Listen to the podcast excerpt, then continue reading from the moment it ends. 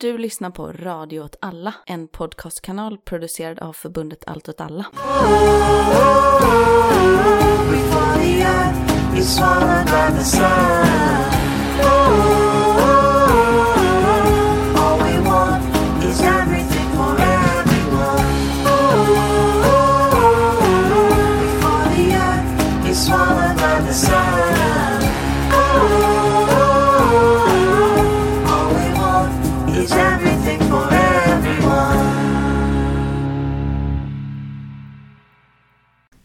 Välkomna till ett eh, till avsnitt av Att bränna en värld. Eller eh, Skogspodden kanske. Precis. Mm. Det Ehm, blir lite skogstema nu Ja, på sistone. men det gör ju inget, tänker jag. Nej, det är väl jättebra.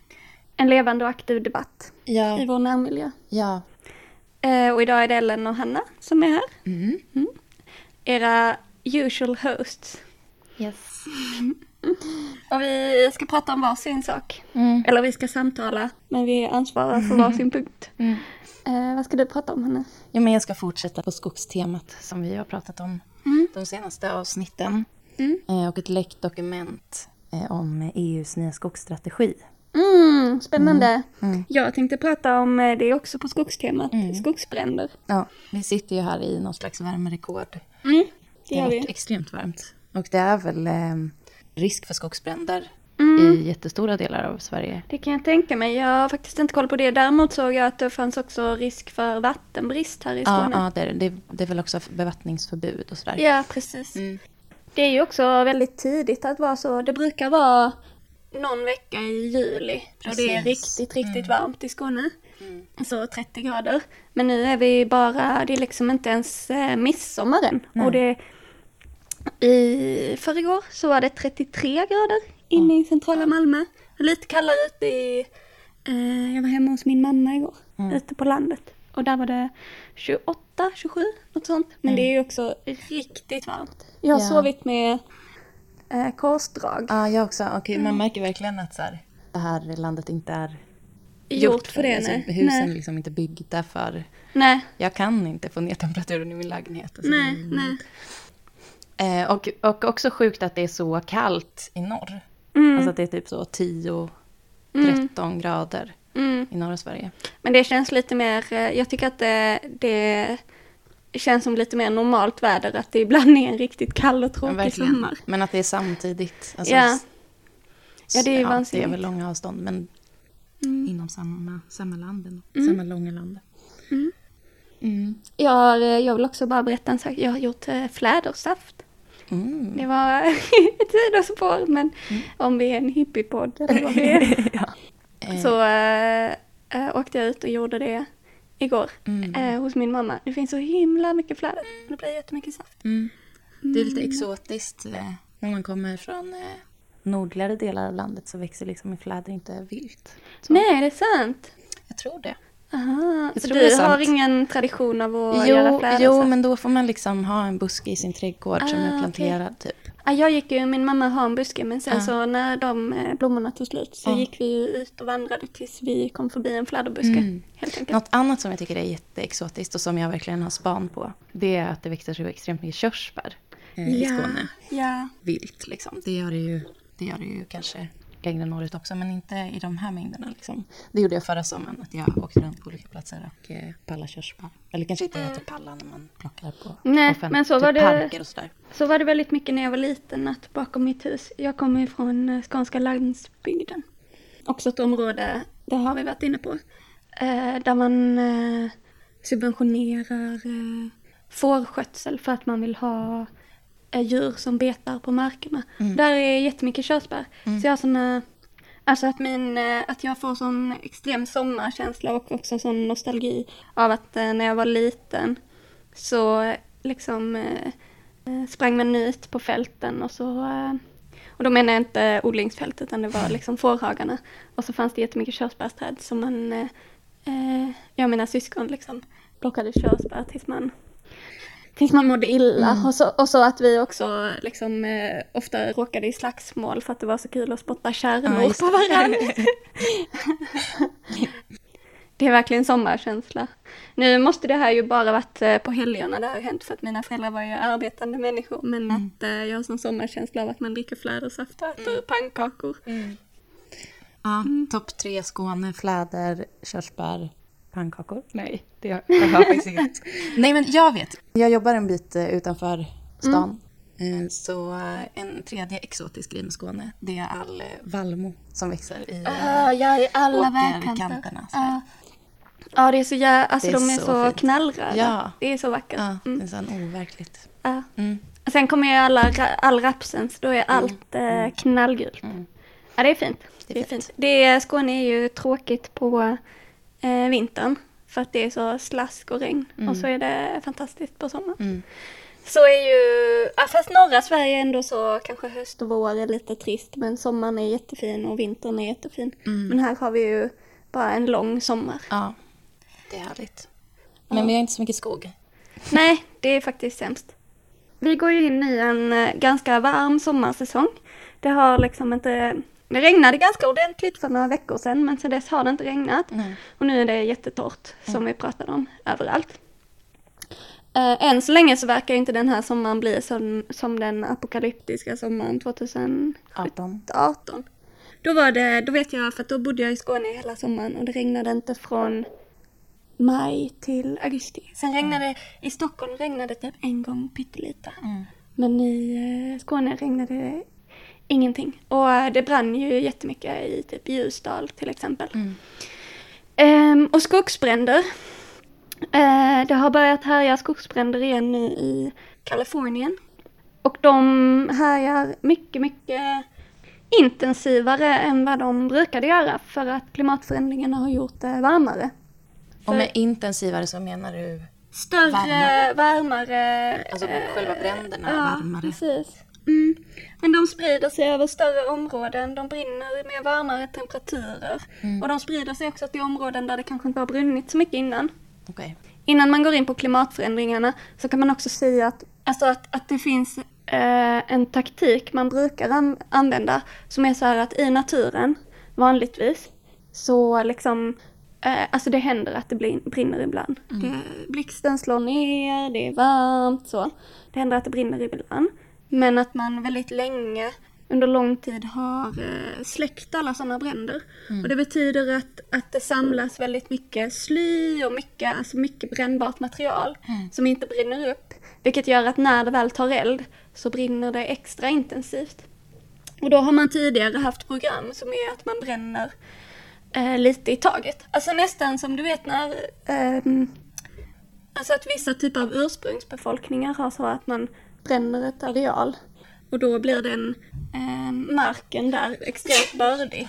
Och så kan man odla där ett tag. Eh, och sen när man liksom inte, när det inte är bra längre, då bränner man ett nytt areal och så växer det upp ny skog där. Jo men för det är väl också så att skogsbränder är en del av, eh, alltså det är någonting som naturen har anpassat sig efter och som en, Ja. är en del av ett kretslopp och precis. ekosystem. Eh, Så att eh, till en viss mån så Ja. är det, men Precis. Eh, så det finns också en, en aspekt av det här som är att man liksom har skapat eh, extremt antändliga bränder. För att man har skapat en väldigt antändlig skog genom att man har eh, släckt naturliga bränder. Precis, släckt naturliga bränder. Och ehm, eh, det blir ett problem nu för att det är så mycket varmare. Så att det är så mycket mer lättantändligt nu. Så allting som ansamlas, ehm, det brinner väldigt lätt. Eh, för 50 år sedan så brann, och nu är det ju det här i amerikanska eh, mått, så 61 000 acres i Kalifornien. Så 61 000 för 50 år sedan. Då ska vi se, 2018 så brann 1,89 miljoner. Så det är alltså en- verkligen en exponentiell ökning, att det brinner enormt mycket mer. Och att det är... ehm, eh, och det har också utvecklats ganska snabbt för att 2013 så brann eh, lite mer än en halv miljon acres. En acre är 4046 meter kvadrat och kallas på engelska ett tunnland. Okej. Så det, det är en, lite mindre än ett halvt hektar. Men det, så det är ganska stora områden liksom. Men då så att på, på ehm, eh, fem år så har det då gått från lite mer en, en halv miljon hektar till nästan två miljoner Mm. hektar. Mm. Så det är en ganska eh, stor ökning. Det, det blir ju exponentiellt Mm. eh, för att en större brand liksom sprider sig snabbare än en liten. Alltså ju större bränder desto, alltså, desto mer kommer de sprida sig. Mm. Ofta blir de ju också att ju större de är desto varmare blir de. Och ju varmare de blir desto snabbare liksom torkar de ju ut Mm. Eh, nya områden så att de kan börja brinna i nya Just det. områden. Också att när de är väldigt varma och den luften sprids då är det också lättare att det tar eld på nya områden när det blåser. Det kan ju röra sig väldigt snabbt över väldigt stora områden. Och det är ju det är ganska, eh, det är nog många som har sett de bilderna från Kalifornien.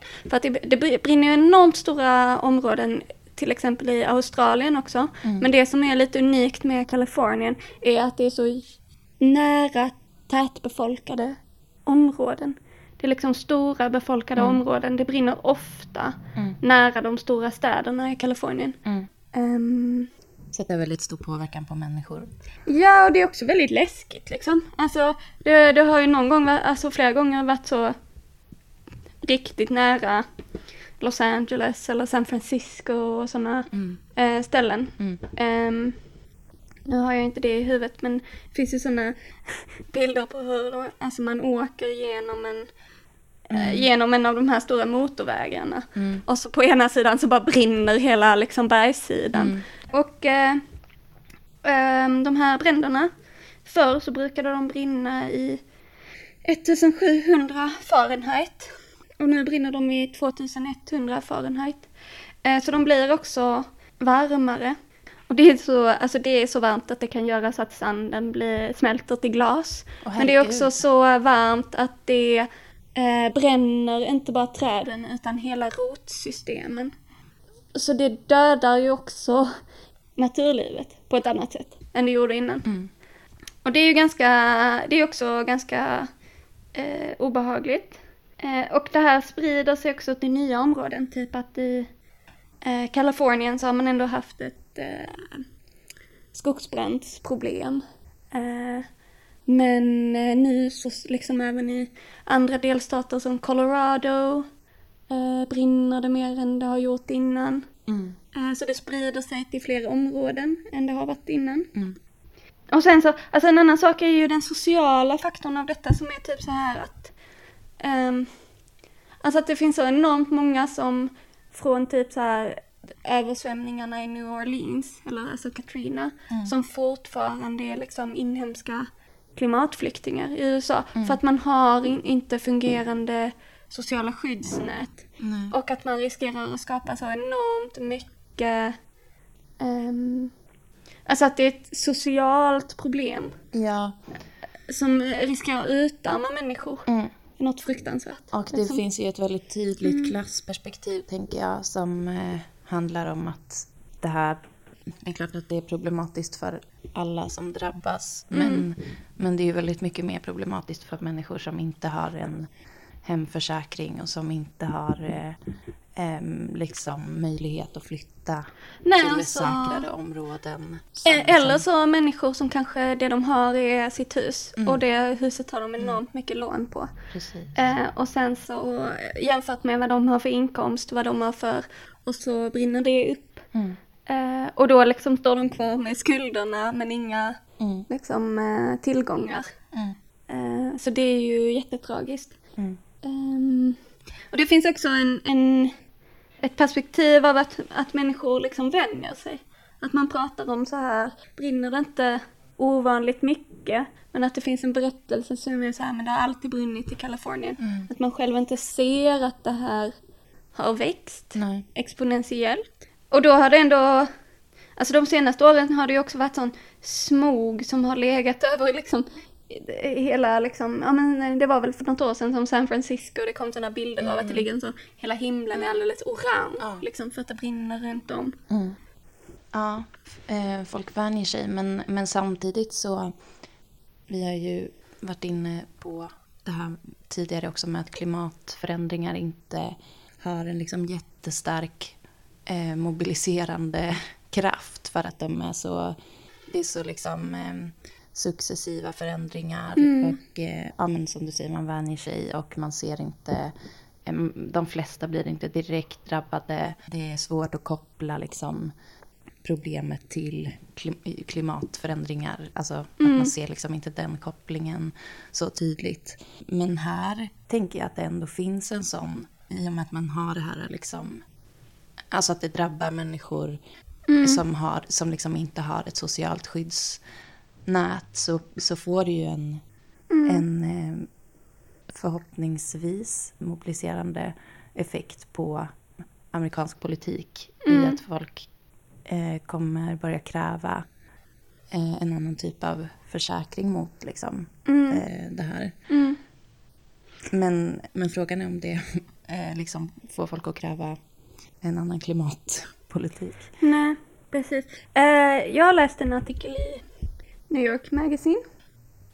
The Intelligencer. Den heter California's last fire season was a historic disaster. This mi- one might be worse. Och då skriver de faktiskt om att det börjar ske en kulturell skiftning. Att det börjar ske någon slags medvetande om detta. Att man eh, börjar liksom inse att eh, det här är eh, ett stort problem. Och då också en sak som um, väcker det här medvetandet är den här eh, röken. Att det är också så att uh, bränderna drabbar liksom olika punkter. Så de drabbar väldigt olika. Men den här röken lägger sig liksom över halva delstaten. Och är ganska farlig. Eh, och den väcker ganska mycket att det blir så visuellt och så tydligt. Ja, men och det är ju inget man kan komma undan med eh, ett socialt skyddsnät heller. Alltså röken är ju där bara. Och drabbar alla oavsett vilken försäkring man har. Så. Och sen så är väl, eh, alltså, så är väl Australien och Kalifornien och vissa sådana platser att klimatförändringarnas Alltså klimatförändringarnas oerhörda destruktiva kraft syns tydligare än här. Men det är också så att Alltså det här med att det brinner i Australien och Kalifornien är ett, ett nytt normalt där. Och det brinner ju inte bara där också, alltså det brinner ju i, det brinner ju enormt stora områden i till exempel Ryssland på somrarna. Men det hör vi inte alls lika mycket om för det är inte, det bor liksom ingen i, Nej. i Sibirien. Alltså, du fattar vad jag menar. Det bor eh, väldigt lite människor jämfört med om man eh, kollar på Kalifornien till exempel. Och det är också så att det händer i Indien, i... Fast där är det väl lite, eh, om jag inte missminner mig, lite mindre torrt. Och det är mer de här eh, hetbölj, hetböljorna. Liksom. Men det här händer ju liksom i, runt om i världen. Och det, jag tänker att det både är liksom så att, att det vi ser i USA sker i andra delar av världen. Bara det att det inte får lika mycket uppmärksamhet. Nej. Men också att, den, att det som klimatförändringarna för med sig är ju mer freak-väder. Så att även om vi kanske här till exempel, eller på andra liksom våtare delar av världen, eller kyligare delar av världen, så har vi ändå en större risk för skogsbränder, inte bara för att det blir varmare utan för att vädret också blir nyckfullare. Alltså vi, vi riskerar mer torka, mer översvämningar, mer, eh, mer eh, skogsbränder, mer liksom oförutsägbart väder. Och det är ju ett jättestort problem både bara den sjukt läskiga saken med eh, skogsbränder, men också det att vi ändå lever i en ekologi där vi är beroende av ett jordbruk som kräver ett stabilt klimat, typ. Ehm, och det är ju ganska obehagligt. Och det tror man ju att liksom stora delar av USA som just nu är the bread basket, alltså där man odlar enormt mycket av vete, alltså den typen av ganska basala produkter. Eh, alltså en enormt stor del av den inhemska amerikanska befolkningens eh, konsumtion. Men, men också en stor del på marknaden i världen. Att den eh, kommer eh, ökenläggas eller torrläggas. Och det tror man ju om mycket av dem. Det finns liksom en del bälten runt om i världen där det är liksom eh, varmt, ganska tempererat. Det är där man odlar mycket av sådana basvaror och mycket av eh, produktionen och där, man liksom kommer få för torrt och för varmt klimat. Så är det ju med södra norra Afrika, södra Europa, Mm. alltså band över Asien. Eh, att mycket av det, att, eh, att om det blir varmare och torrare så kommer man inte kunna odla på samma sätt. där. Nej, vi kommer inte kunna lita på det på Nej. samma sätt. Nej. Eh, nej. Sen har vi en annan sida av myntet som är eh, eh, ja, men Amazonas. Då, där, Mm. man, där, det, där man liksom... Eh, där bränderna blir okontrollerbara. Kanske på grund av klimatförändringar men där de är anlagda för att skapa Mm. odlingsmark så man kan odla soja. Eh, eh, Man är ganska där rädd man- för nu att Amazonas, att, det ska, att man kommer nå en punkt där det inte går ja. att rädda Mm, längre. mm, Eh, och det är också jätteallvarligt. ja. Liksom. Ja. Eh, och där man liksom tänker väldigt kortsiktigt i att man vill åt odlingsmarker. Men man ser liksom inte i det långa loppet att de odlingsmarkerna är också beroende av att det finns... Ett klimat. Ja. Eh, men jag menar, vad, vad händer när vi inte kan lita på de här eh, ja, men, eh, traditionellt liksom stabila eh, odlingsmarkerna? Eh, Alltså- och vi kommer, eller då kommer det liksom krävas ännu mer eh, Mm. odlingsmark i Amazonas. Eller så här, då kommer man hugga ner Ännu mer skogar ja. Mm. runt om i världen för att odla på. Alltså på något sätt så har man ju verkligen så att det är inte bara så att vi har vunnit livets lotteri, att man liksom lever i, i ett i-land eh, som är rikt och så liksom. Eh, att, men det är ju också så att, eh, att i Spanien så kommer liksom Alltså grundvattnet sjunker väldigt fort. Det håller på, alltså det kommer ju på sikt ökenläggas liksom. Och där kommer man inte kunna odla på samma sätt. Nej. Eh, Men att i Sverige, så åtminstone på det korta loppet, så kommer det ju handla om saker som, nu kan vi inte odla den här grödan, men vi kan odla den här grödan. Vilket också skapar en sån enorm eh, kortsiktighet i Sverige, tänker jag. Men också, alltså att det är så, det blir så oerhört ty- tydligt och osolidariskt. Eh, den internationella klimatpolitiken Ja, är. för, för Sveriges eh, egen del så innebär det ju i princip att vi kan bli mer och mer självförsörjande på... På det Eh. korta loppet, det beror på hur många grödor man hamnar i. Ja. Men för tillfället liksom att man kan odla grödor som man tidigare liksom, eller som inte trivdes så himla bra i nordiskt klimat innan. Tidigare så har vi ju recenserat, eller vi har diskuterat David Wallace Wells, Den obeboeliga planeten. Där han pratar just om olika saker som, eh, olika konsekvenser som klimatförändringarna kan få. Och nu är ju han, han är ju ganska så, han drar det ju hela vägen. Eh, och det behöver ju inte bli så. Eh, för vi kan ju välja en annan väg. Men eh, eh, jag tänker att, eh, som vi sa när vi pratade om den, att det är ändå rätt bra att ha koll på vad som står på spel. Typ.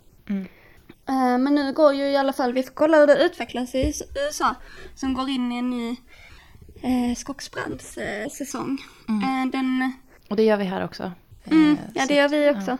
Och nu får man hålla koll. För 2018, jag kommer ihåg att det var någon som hade, jag släckte bränder i uh, Rålis. Jag, bo, ja, jag var i Stockholm då en del också. Eh, men att för att liksom eh, marken var så torr att om man slängde liksom, det var någon som hade slängt en cigarett.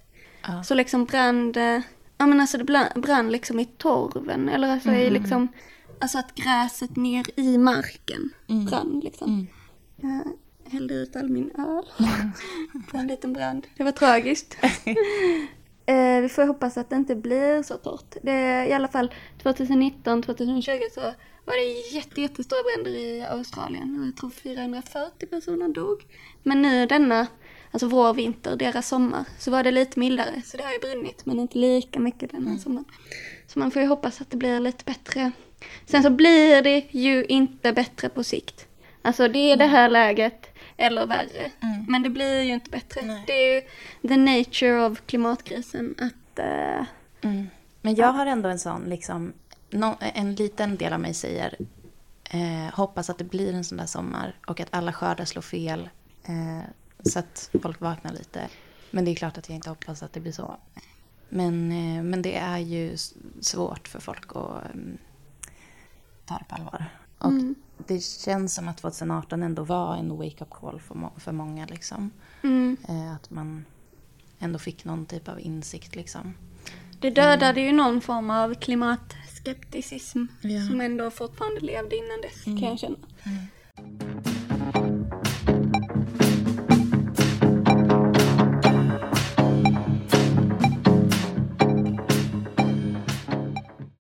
Ska vi prata om, eh, du har någon slags eh, hemliga papper? Ja, läckta dokument. Ehm, Ja, men jag har eh, läst om, jag har inte läst dokumentet, men jag har läst om det här läckta dokumentet som är ett utkast till EUs nya skogsstrategi. Ehm, och den, är, den välkomnas väldigt mycket av eh, eh, miljörörelsen och alla de som vill skydda eh, de små eh, skogsdungar som fortfarande är gamla i skog.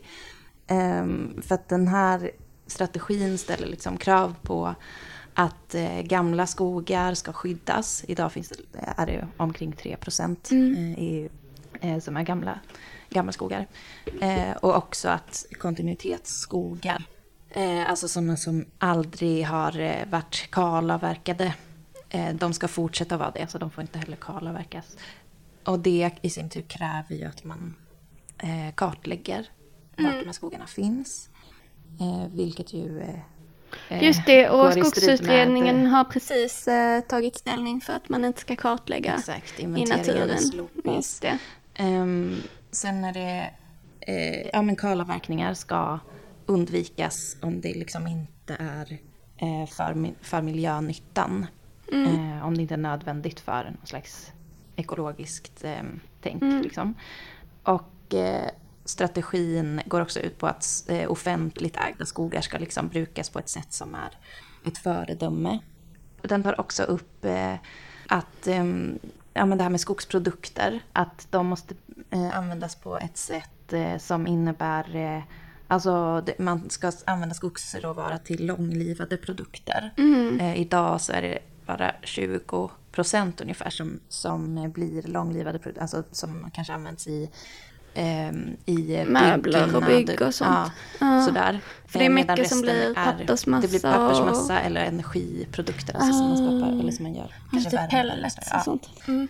Eh, Men så att det, den användningen är nödvändig för klimatet. Men att eh, den måste optimeras, eh, säger då strategin. Och eh, i, i det här dokumentet så står det också om liksom att det här, den här strategin kommer leda till eh, enormt många jobbtillfällen eh, och eh, affärsmöjligheter. Jag har inte klart för mig mm, liksom, i detalj vad, vad det är. Men, de, men det finns med liksom, i alla fall. Ehm, och skogsindustrin i Sverige neggar och säger att det liksom innehåller faktafel och att man inte har förståelse för hur eh, nordiskt skogsbruk eh, bedrivs. Mm. Eh, och och eh, att det är en förflyttning av liksom makt från eh, det lokala till EU. Det är klart att skogsägare här vet mer om hur nordiskt skogsbruk går till. Men, men frågan är om det har liksom gått rätt till. Eh, Eller jag menar, eh, de, den kommentaren bygger ju på någon slags eh, så här...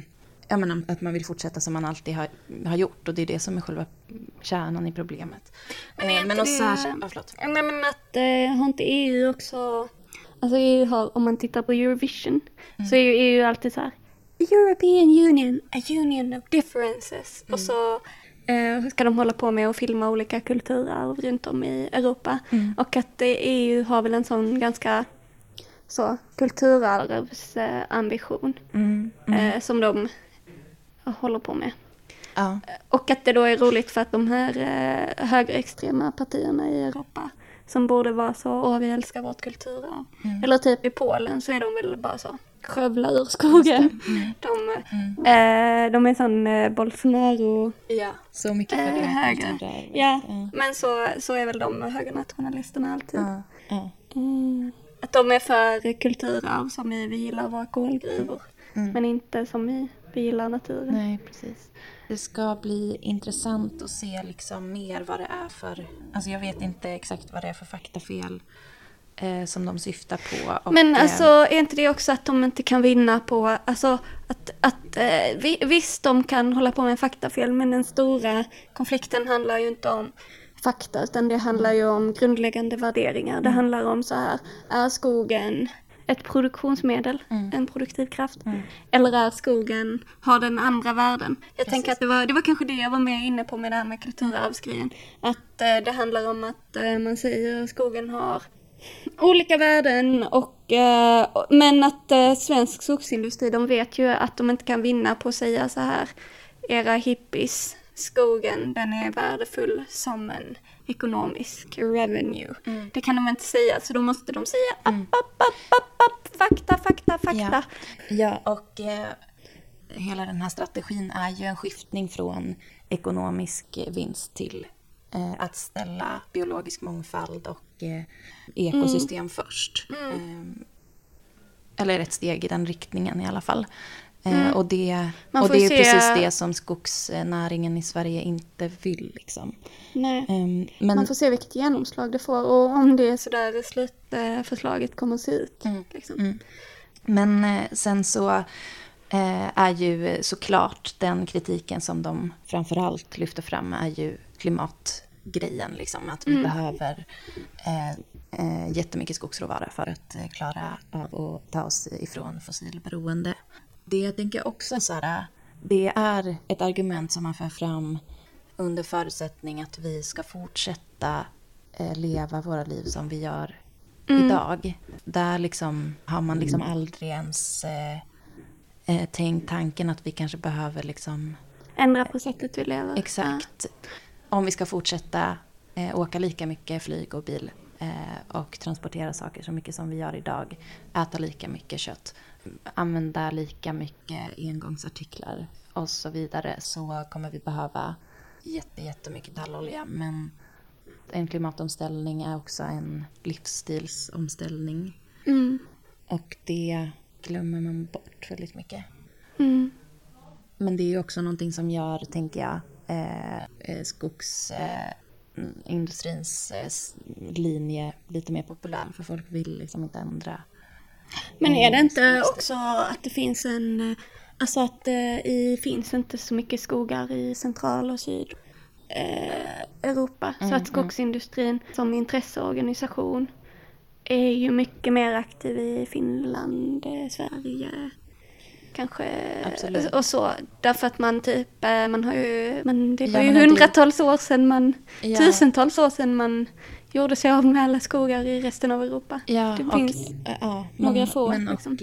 och, och det är väl det som gör att man kan dra det kortet att, att så här, det är vi som sitter på den här resursen.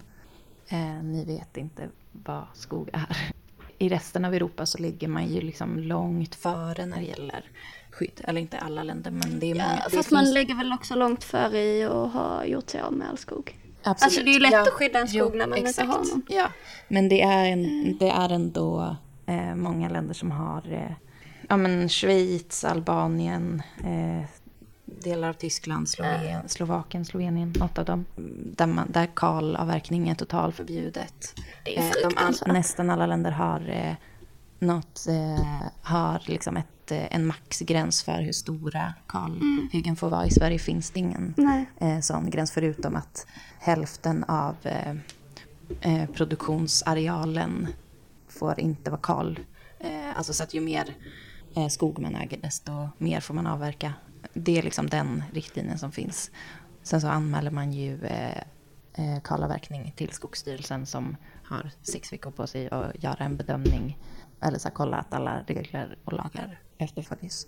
Men det är liksom det som är restriktionerna, alltså annars är det oreglerat eh, hur mycket man får kalavverka. På ett sätt så borde ju eh, Sverige, eftersom vi har så mycket skogar, just därför borde ju Sverige ha en kanske liksom lite mer genomtänkt skogspolitik. Um, det är klart att det finns, eh, att det ligger något i det. Du säger att det är lätt att skydda små arealer, men Ja, men jag tänker att det är som att, um, men att man först mördar massa ursprungsbefolkning och sen ger man dem rättigheter när de um, är en pytteliten minoritet. Att, uh, det är ju lätt att, att ge eftergifter när, det inte längre finns något hot. Liksom, Eller när det inte längre finns något intresse. Det är inte en kritik heller mot den eh, politiken. Det är också kanske en hetare konflikt här därför att det fortfarande finns en konflikt här. Ja, ja.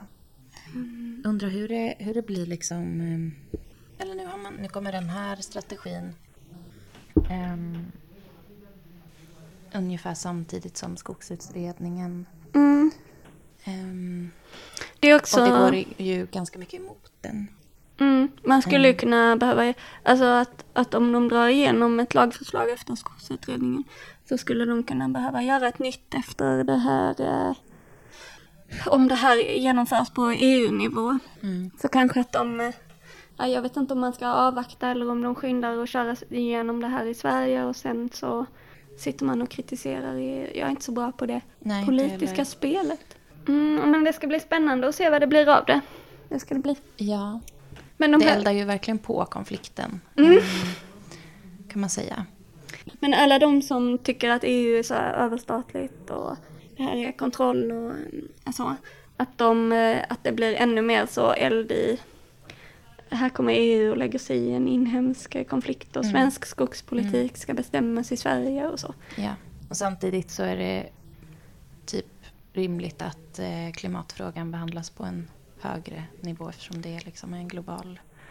Ja, och vad som händer eh, i klimatet någonstans drabbar ju alla. Så är det Men eh, det är ju intressant att de inte är ju ofta extremt mycket på jordbrukares sida. Man är inte lika mycket på skogsägares sida då. Nej, det verkar inte så. Men sen så ska man ju också, ska det ju också sägas att det finns eh, folk som, eh, alltså inom skogsnäringen som, som också höjer röster mot hur eh, svenskt Skogsbruk bedrivs ja. Så att det är inte så svart och vitt så. Jag är helt okej att vara svart och vitt i mina bedömningar. Ja, ja. Tycker att vi kan utmåla vår fiende som fiende på ett ganska svart och vitt sätt. Jag behöver inte vara nyanserad. Ja. Jävla skitindustri. Så känner jag att jag kan vara. Mm. Nästa gång tror jag jag vill prata om rewilding. Jag kan inte så mycket Mm. om det, men eh, det hade varit intressant att prata om den rörelsen. Vi får läsa på lite tills dess. Mm. Och så hoppas vi att eh, vi inte bränner upp världen innan dess. Ja, det hoppas vi verkligen. swallowed by the sun. Oh.